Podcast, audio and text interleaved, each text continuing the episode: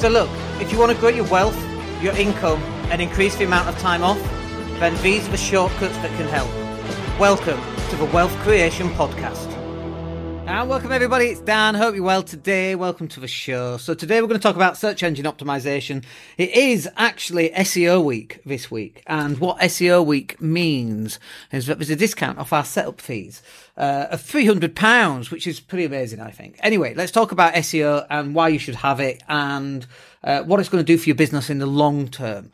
And I also want to just cover as well, just before I talk about that specifically, I also want to talk about why some businesses it's probably not right for. And I just want to cover that off first. So if you're a brand new business and you've not made many sales, SEO right now is probably not for you.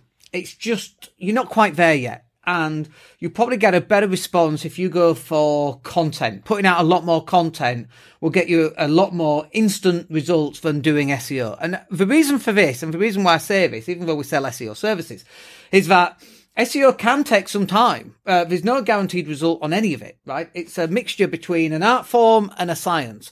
Is it more art form? Is it more science? Depends on who you speak to, of course. It's a little bit of both. A little bit of magic thrown in just for um, just for funsies.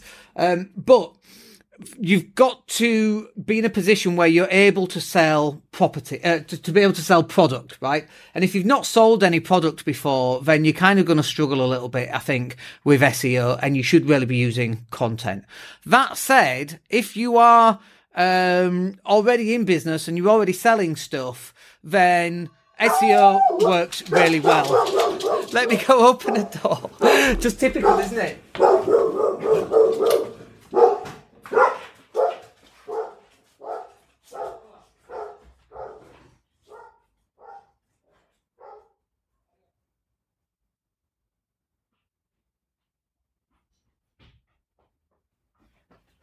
One of the joys of working from home is that Amazon turns up just when you least expect it. So, sorry about that. So, being visible, live stream from home, eh? Oh, it's all rock and roll here, folks. This is just how we, uh, just how we roll. So, uh, talk about being visible on search engines. And one of the reasons why you need to be more visible is that people right now, right this very second, are probably typing in whatever it is that you sell. So if you're a plumber in Leeds, somebody in Leeds has got a leak, right? Somebody right now needs a plumber. And if you're not coming up to the top of the search engine rankings, then how are people going to know that you actually exist? Now, obviously, you might be able to put out some content and that kind of thing. People get to know that you exist that way. But there's two types of content that's really important here. One of them is called push content and one of them is called pull content. Push content is like a newspaper. You put an advert in a newspaper and you're pushing it out and you're hoping that the person at the point that they're seeing the advert needs what you're selling at that specific point in time. And that's kind of like content going out on Facebook and Twitter and LinkedIn and all those other good things. Which is why, by the way, you have to continually push content out because you don't know when that person needs that stuff that you sell, right? You've got to continually push that content out. Pull content, it's not really pull content, more like pull marketing, is where I go, oh, uh, I'm in Leeds. I've got a boiler problem. I need a plumber. I go to Google. I type um, boiler repairs Leeds, plumbers in Leeds, and I pull the the content back to me. So that's the difference between push content and pull content. And if if you're not coming up to the top of Google, they're not using you. They're going to go use somebody else. Okay. And so um, this is one of the reasons why you have to be visible on both push content and pull content, which is things like Google SEO and all of that kind of thing.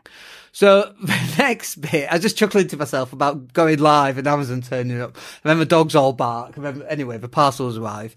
And you're like, what do you do? Do you just leave the dogs to bark? Or do you, do you rush off your live stream? Anyway, who cares, right? It's just life. Uh, full, full on.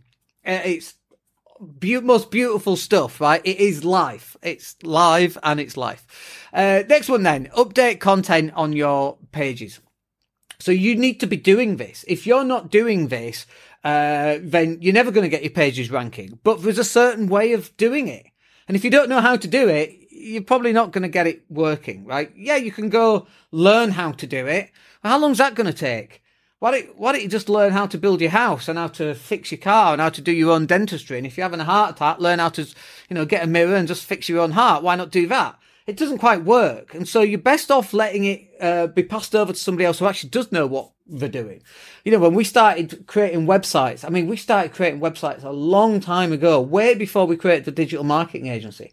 Um, I remember when did I work at Esteem? And I did, uh, we did um, an intranet and uh, an intranet is like an internal website. It doesn't go out on the World Wide Web. It's just hosted on the server and you can access it.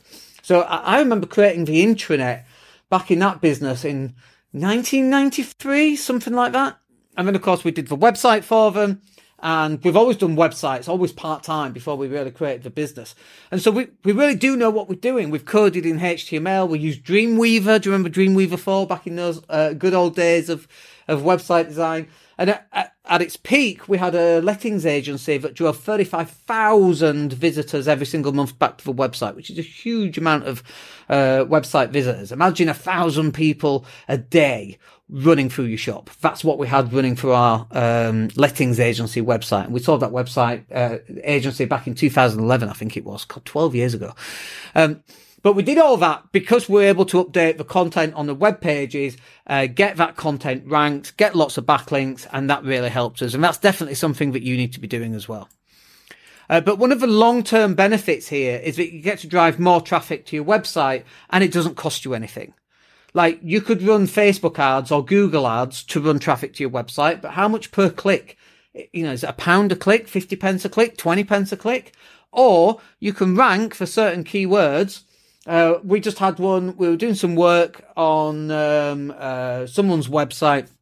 And we were like, oh, we should actually rank for this search term. So we created a web page and we went and we ranked that search term the following day, number one. Like that's very rare that that happens. It's just that it's on our website. We've got lots and lots of backlinks. It's a, a well respected website by Google. And so it was easier for us to create a brand new page with the keywords and, and, and we know what we're doing, right? We've been doing it for donkey's years. Um, but one of the beauties of this is that as soon as we started ranking for that, we already got people, visitors, landing on that web page. Now, I'm not saying that we're going to do that for you because who knows, right? Depends on what you've done to your website, basically. Uh, lots of people try and do it themselves, then they end up spamming and keyword stuffing and get buying backlinks and dodgy backlinks and all sorts of random things, right? But the beauty of doing this right is that over a long period of time, you're going to get to be able to drive traffic to your website for free. Now, if you're first starting out, like we say, might not be a good idea to focus on SEO. It might be a better idea to focus on Google pay per click if it's a pull, you know, I need a plumbing 20, 24 hour plumber. Google uh, pay per click would work really well for that. But if you've been in business three to five years, you really should be starting to work on your SEO now for your website to start pulling some of this uh, traffic to you without it having to cost you on a monthly basis. And then the last point here is that this is a long term investment. And sometimes you don't get the absolute results for this uh, for months or years down the line. But it's a gradual improvement on your search engine rankings. You might not rank for any keywords whatsoever right now. And that's all right. And then you sign up, then we work, identify the keywords and we work on some keywords and then we work on other keywords and then slowly you get to page um, seven, number eight, right? And then a couple of weeks after that, maybe page uh, five, number six. And then after that, you're on page three. And then after that, you're on page two. And then after that, you're on page one. Maybe, right? Maybe. And I'm not this, this kind of guy that believes that if you just get, you know, uh, top three on page one, if you don't get as good as that, it's a waste of time. I don't believe in that.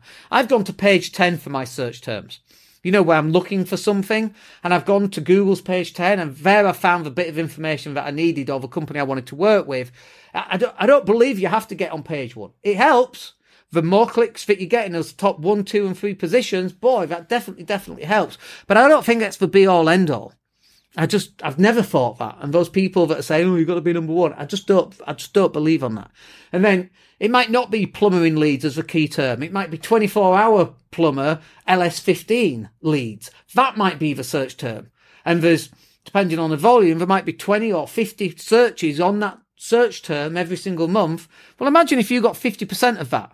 There's, let's say 40, because I can do the maths. Let's say there's uh, 40 people on average every single month typing that into Google, and you get 50% of that business because you've got that, what we call a long tail keyword. Well, that's worth it, right? An extra 20 customers off that. Why would that uh, not be worth it? Of course it's worth it. So I don't, I don't think that you have to be on page one, and I don't think that you have to have the top plumbers in Leeds kind of um, kind of key phrases in order to be successful. These longer term keywords are really where you want to focus your time and effort to begin with, at least. And then as you get more credible with your website and you get more backlinks to your website and more visitors to your website, then at that point, you can start going for these more top endy uh, keywords. All right, that will do us for today. Lots of fun uh, rushing out for the Amazon delivery there. a joys of working from home.